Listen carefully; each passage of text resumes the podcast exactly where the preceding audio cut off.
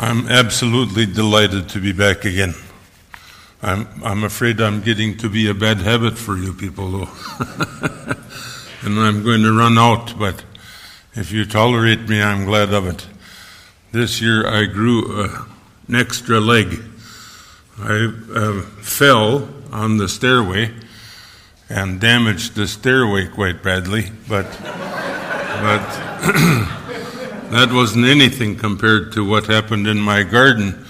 I have raised beds so that I can keep the soil concentrated and mixed. And I was working in my garden, putting in, and I tripped over the board. There it went. And I tripped over the board and and laid there for a while, wondering if I was ever going to get up again.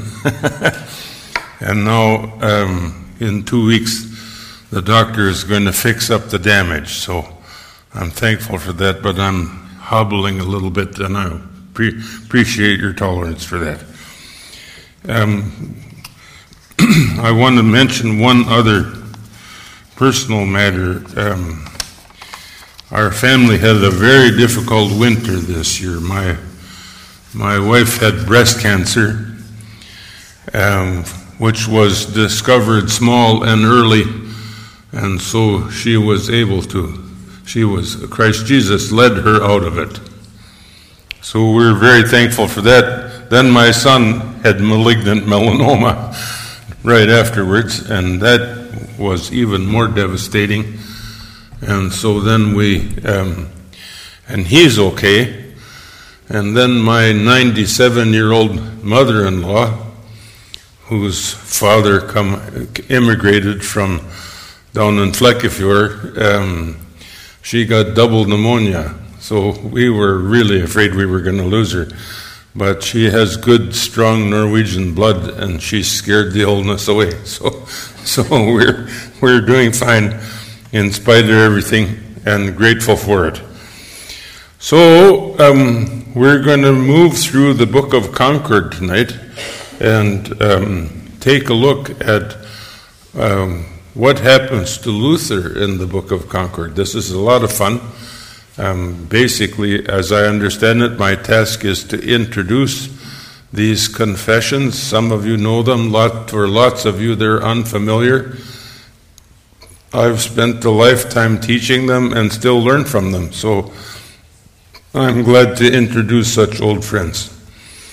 Luther's quest was personal when it began.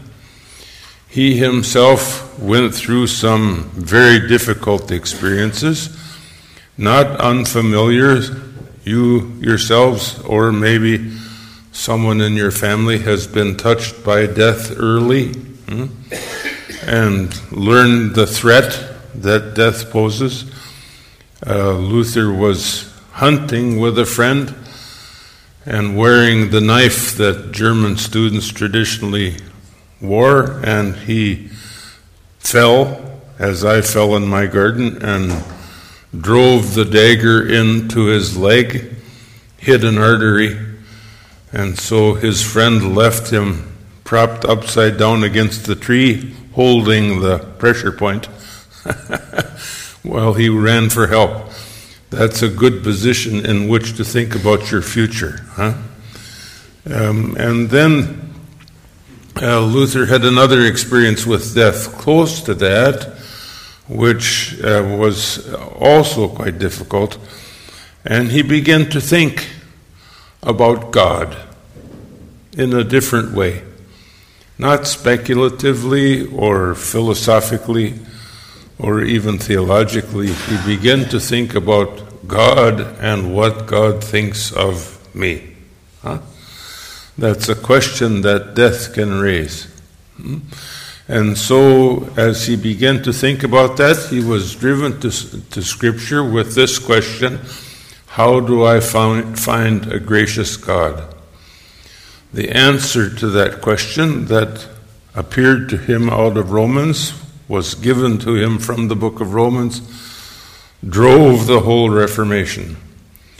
It happened that when he became a monk, he was given the same question. It wasn't merely personal, it became more public. When he became a monk, he was assigned this question as part of his first year, the novitiate in the monastery. And the question was to familiarize him with the means of grace in the sacraments of the church. So he studied the question academically as well. Um, and, and it became not only personal, but more public. But when he published the 95 Theses, it really became public. the theses spread all over Europe as though they had hit a fan. I had a student once who drove a tractor with the um, power takeoff moving into a manure pile. he took him several baths to get over that. Huh? Um, the, uh, Luther did something similar. He, he drove that question and raised the question, and it spread all over Europe. So he had something to do with it, but the bureaucrats in Rome had even more to do with it. Um, they immediately turned Luther's question into a challenge to the papacy. And of course, they were eager to punish. From the beginning, the attempt to deal with Luther's question was completely negative. They wanted more than anything to put him out of business, to stop the question altogether. Uh, but it had gotten so widespread and so public that they couldn't stop it, and Luther had so much support um, that they couldn't really shut him down. And so um, eventually, when force failed, they tried to talk with him. and those conversations are what we what produced the Lutheran confessions the Book of Concord. So we'll take a quick look at these seven documents so that you can renew your familiarity with them. Well, you, you know many of them, and they're like meeting old friends huh, as you come to know them even better. Um, four, uh, three of these documents were written for and negotiations with other parties in the Reformation. And so, um, let me turn it around and begin again. Three of these documents were written to consolidate what was happening in the Reformation. The first of these you know very well, that's Luther's Small Catechism. In 1526 27, uh, the elector of Saxony wanted to do a survey of the state of the church in his area. Um, what he discovered was quite shocking for him. Um, once, several years ago, we were in Africa traveling, and we came across a village where everybody was drunk. Everybody in town. That was a fairly common event in 16th century Germany. They found, and where you find drunkenness, of course, you find people who can't find the right bed when they're on the way home. And so you find other difficulties and lots of religious ignorance. There were people that refused to learn the Lord's Prayer because it was too long, huh? too much to expect and there were people who had not a clue about the Christian faith. And so the question was how to deal with this. Luther wrote the small catechism for this purpose. He collected together the Ten Commandments, the Creed, the Lord's Prayer, and with these three parts, which he called the Catechism, he also offered explanations of the um, of baptism and the Lord's Supper. And later there was added a statement concerning the keys, the office of confession. So many of you know this. Um, I always love to tell about. I learned it from my grandpa, who was concerned that my father would not teach me the catechism. So my grandpa um, taught me the catechism at the same time he taught me to drive a tractor. we, we had an old John Deere, which in the States were called one lung Johnnies because they had one cylinder and they had a real distinctive rhythm. If you've ever heard a John Deere tractor, you never forget it. And so my grandpa would keep me between his knees, and I would be steering while he was making sure nothing went wrong. And he would say to me, What is the first and chief commandment of the law? what is the first article of the creed?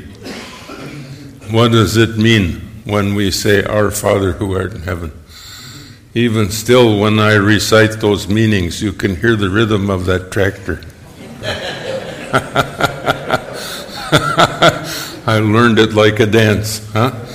Well, there's better places to learn, I suppose, but I couldn't think of a better one to learn the catechism.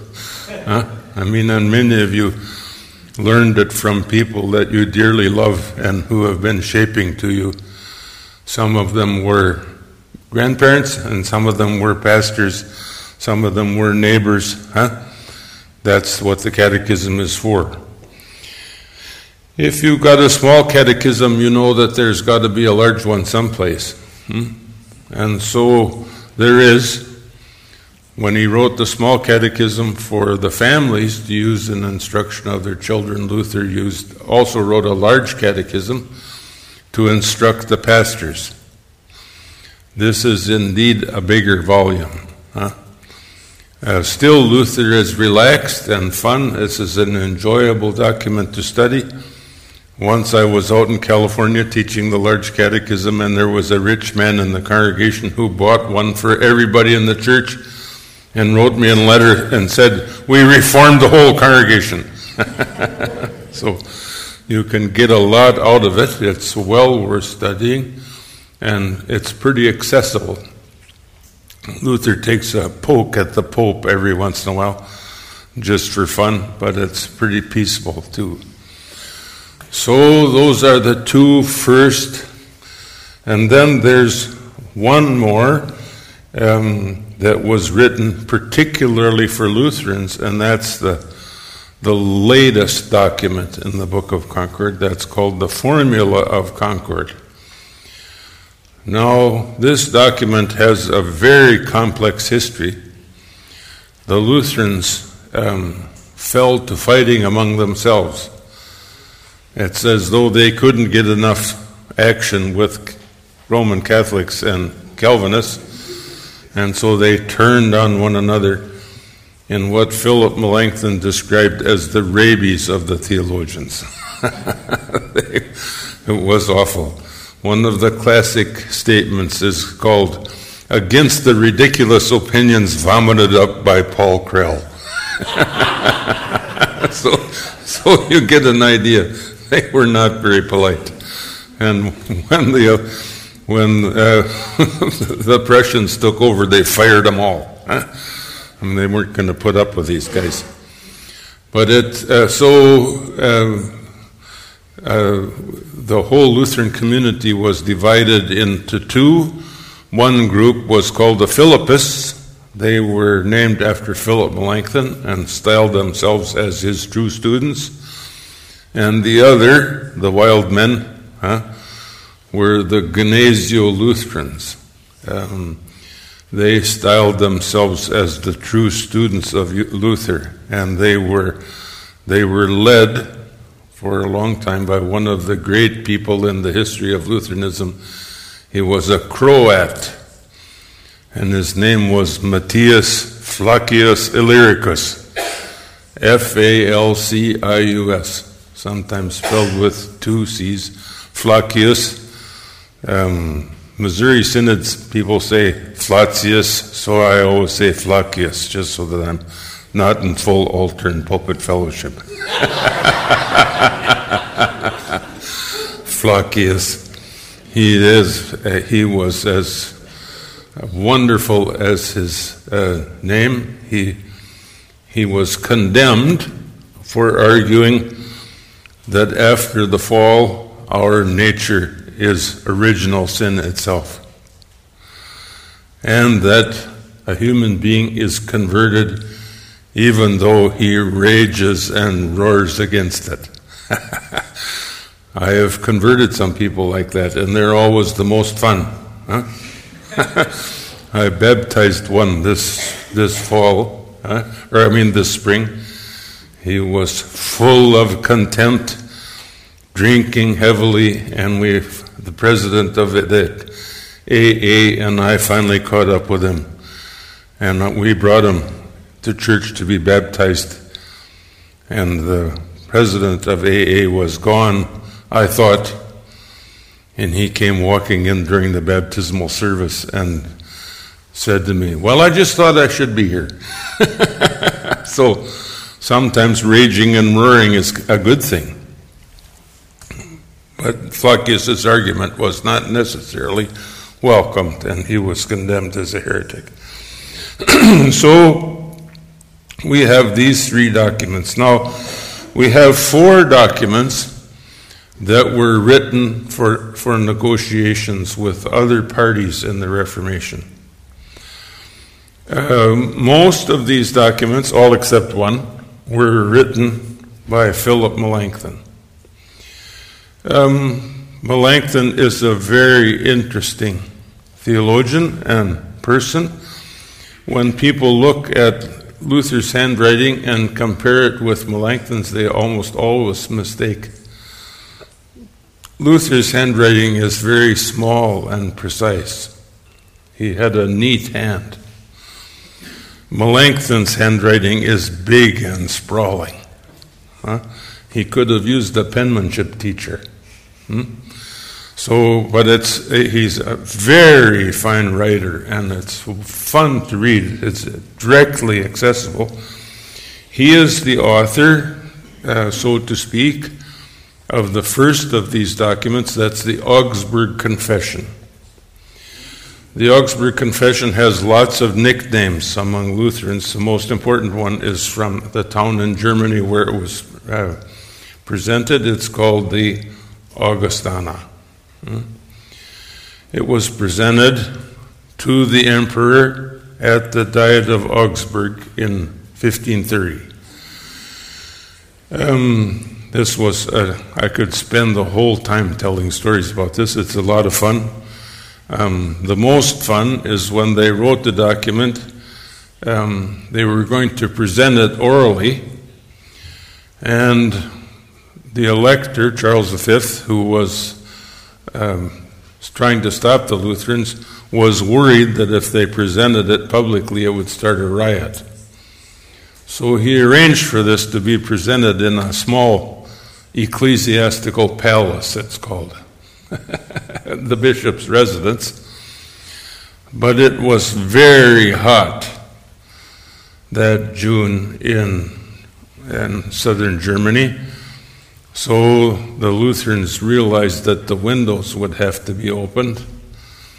And so they got a man to read it out loud who was known to be very loud.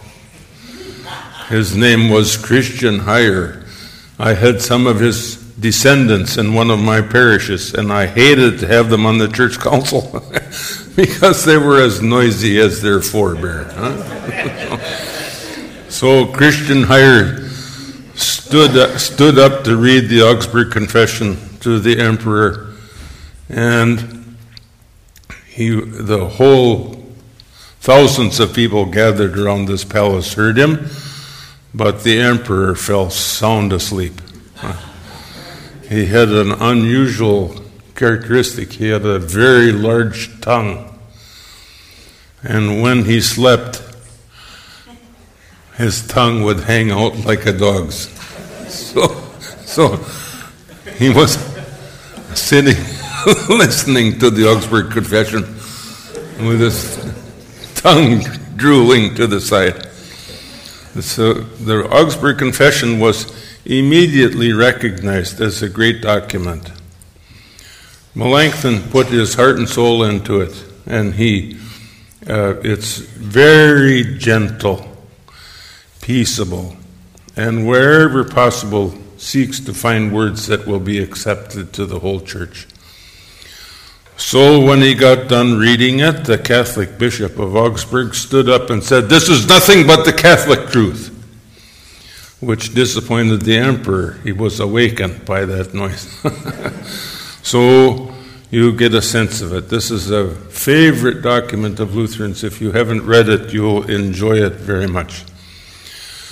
Then um, the Catholic authorities, of course, were worried sick about what would happen if this got loose, and so they declared it to have been, they refused to let anybody read it, first of all.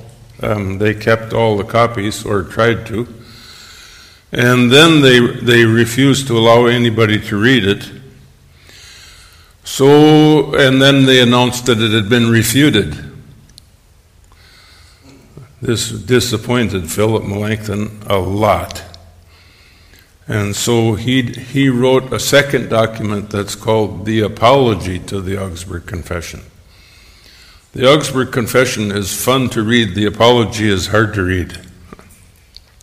My students always complained when I assigned the apology to them. I told them I would give them coffee so that they could keep up, and if they came to class late in the afternoon, I would give them sandwiches so that they would stay awake. This, this is not, you know, uh, the kind of reading that is going to make you very excited, but it's very closely argued theological reasoning and quite helpful. Now, um, we've got the Augsburg Confession and we've got the apology to the Augsburg Confession. And so now we have six of the seven documents. And we have one more to talk about, and that is called the Smalcald articles. The Smalcald articles. Luther, after 1531, was more symbol than reality as a leader. He was sickly all through his life from 1531 until, well, really late, 1528, all the way to his death in 1546. The problem was his heart. He had a terrible heart attack. Um, dear Lord Katie, his beloved wife, was a very skillful doctor. She learned her practice while she was a nun and collected all the medical lore, and she had soups, and she had medicinal beer, and she had lots of wine, and she had everything else she needed to thought, but uh, still Luther continued to have a number of health difficulties. His heart was bad. He had tinnitus. If any of you have suffered from ringing in the ears, you know how painful this can be.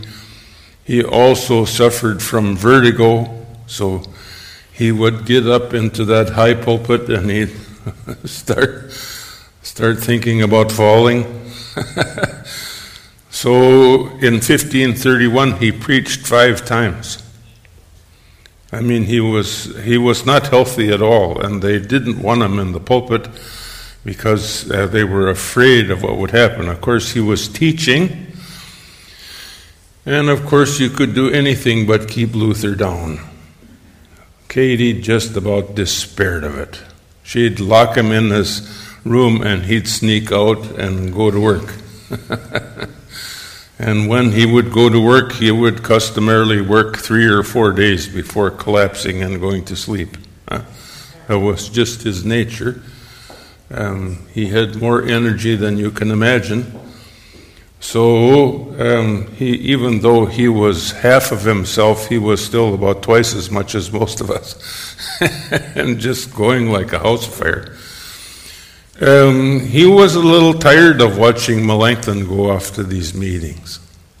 He, he would have liked to go to the meetings because he was afraid that Melanchthon would sell the farm, hmm? that he would betray. Uh, Melanchthon was one of those Irenic people that likes to win. So he would make concessions and make concessions, but he still wanted to have control at the end. Luther used to joke about this. He said, Melanchthon thinks he's God. He always wants to write the end of the story. Well, he was a great theologian and he was very helpful, but Luther was getting eager. Huh? And in 1534 35, there started to show up some differences between Luther and Melanchthon. Melanchthon was rewriting some things, and there were a couple of issues where he was, he made Luther real nervous. One was in the doctrine of law. Luther was afraid that Melanchthon was making too many concessions to the law and the other was in the doctrine of the sacrament. Hmm? Luther liked to emphasize the reality of Christ's presence as strongly as possible. So you remember these words in, with, and under. Hmm? He is in with, Christ is in, with, and under the bread and the wine. In 1540, Melanchthon published a statement called the Altered Augsburg Confession. In English, we can say this in a nasty way. I call it the neutered Augsburg Confession. This is what you do to your cat, or if it wanders, or your dog early in its life, huh? The neutered Augsburg Confession. It's so soft on the real presence that even Calvin thought it was great. so Luther was, there was reason for his nervousness. And so in 1536, he decided that he was going to write a confession. And this is the Smalcald Articles. Of course, he was very sick at the time. Some of you have suffered from kidney stones. That is certainly one of the most painful afflictions that anybody can have. Huh? And so uh, Luther called it the stone and he talked about all the extraordinary measures they were taking to make him pass the stone. Some of them don't. Some of them don't bear public repetition. Medicine was not necessarily so great in those days. And then um, they were going to. The theologians were going to meet in the city up in Smalcald, up in the mountains, and so the the elector, Luther's prince, insisted that he should go. And so Luther was carried in a cart, horse drawn cart, across mountain roads. you don't need much of an imagination to figure that out. He was carried jostling and bumping and screaming all the way to the meeting, and when he got there, he was so exhausted that they just put him on the cart and sent him home again. and he, um, but the trip saved his life. The stone passed. I'll spare you Luther's description. he measured the amount that was involved. I used to put that on a test and ask the students how many pints Luther passed when the stone went. um, he, oops, he had written the document for the um, theologians to consider. Um, Melanchthon didn't want that document to be presented because it was Luther at his forthright best. not really caring much what his enemies thought of it. And it was, it's a dangerously explosive document, huh? When you read it. Um, uh, so it was never officially passed. Melanchthon used um, parliamentary methods to make sure that it wasn't ever ratified, but it was circulated and it's still good reading for Lutheran pastors. This is a lot of fun. Luther starts to preach. I'm going to read you some statements from the Smalcald articles tomorrow, and you'll enjoy them as much as I do. He's, he's got a wonderful section here called Concerning the False Repentance of the Papists. and it's the best statement on repentance you can find. Just beautiful. So, so this document was not officially ratified, but it's a habit. It's one of the documents of the Book of Concord. So these documents were all gathered together by the people who wrote the Formula of Concord, and they were published in the Book of Concord. Now, you should know one thing here in Bergen about this document. Um, at that time, um, though it has ended, the Danes ruled Norway. We have a hard time convincing Danish Americans that that ended. they, they, they, they think it continues even to this day. So we have to be properly insubordinate and tell them. But uh, at that time, the Danish king ruled Norway, and he had some advisors who were students of Melanchthon. They did not like this document, and so it never became official in Denmark and Norway. And even still, uh, Norwegian churches um, set the small or set the formula of Concord at a secondary level. It's not as primary as the other documents.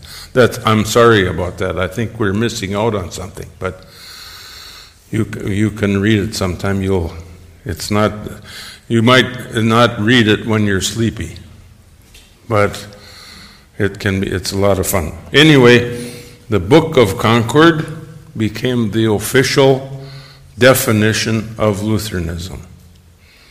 So, if you want to know what a Lutheran is, the first thing you read is the Bible. And when you have mastered Scripture, if that ever should happen, then you read the Book of Concord. And what I'd say is you should read the Small Catechism. If you can get your grandpa to put you between your knees, it's better. Huh? but you can still learn a lot just sitting at the table.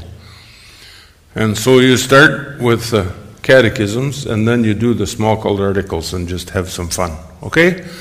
So there's a little introduction. I hope it wasn't too long. Anyway, we get a start. Thanks.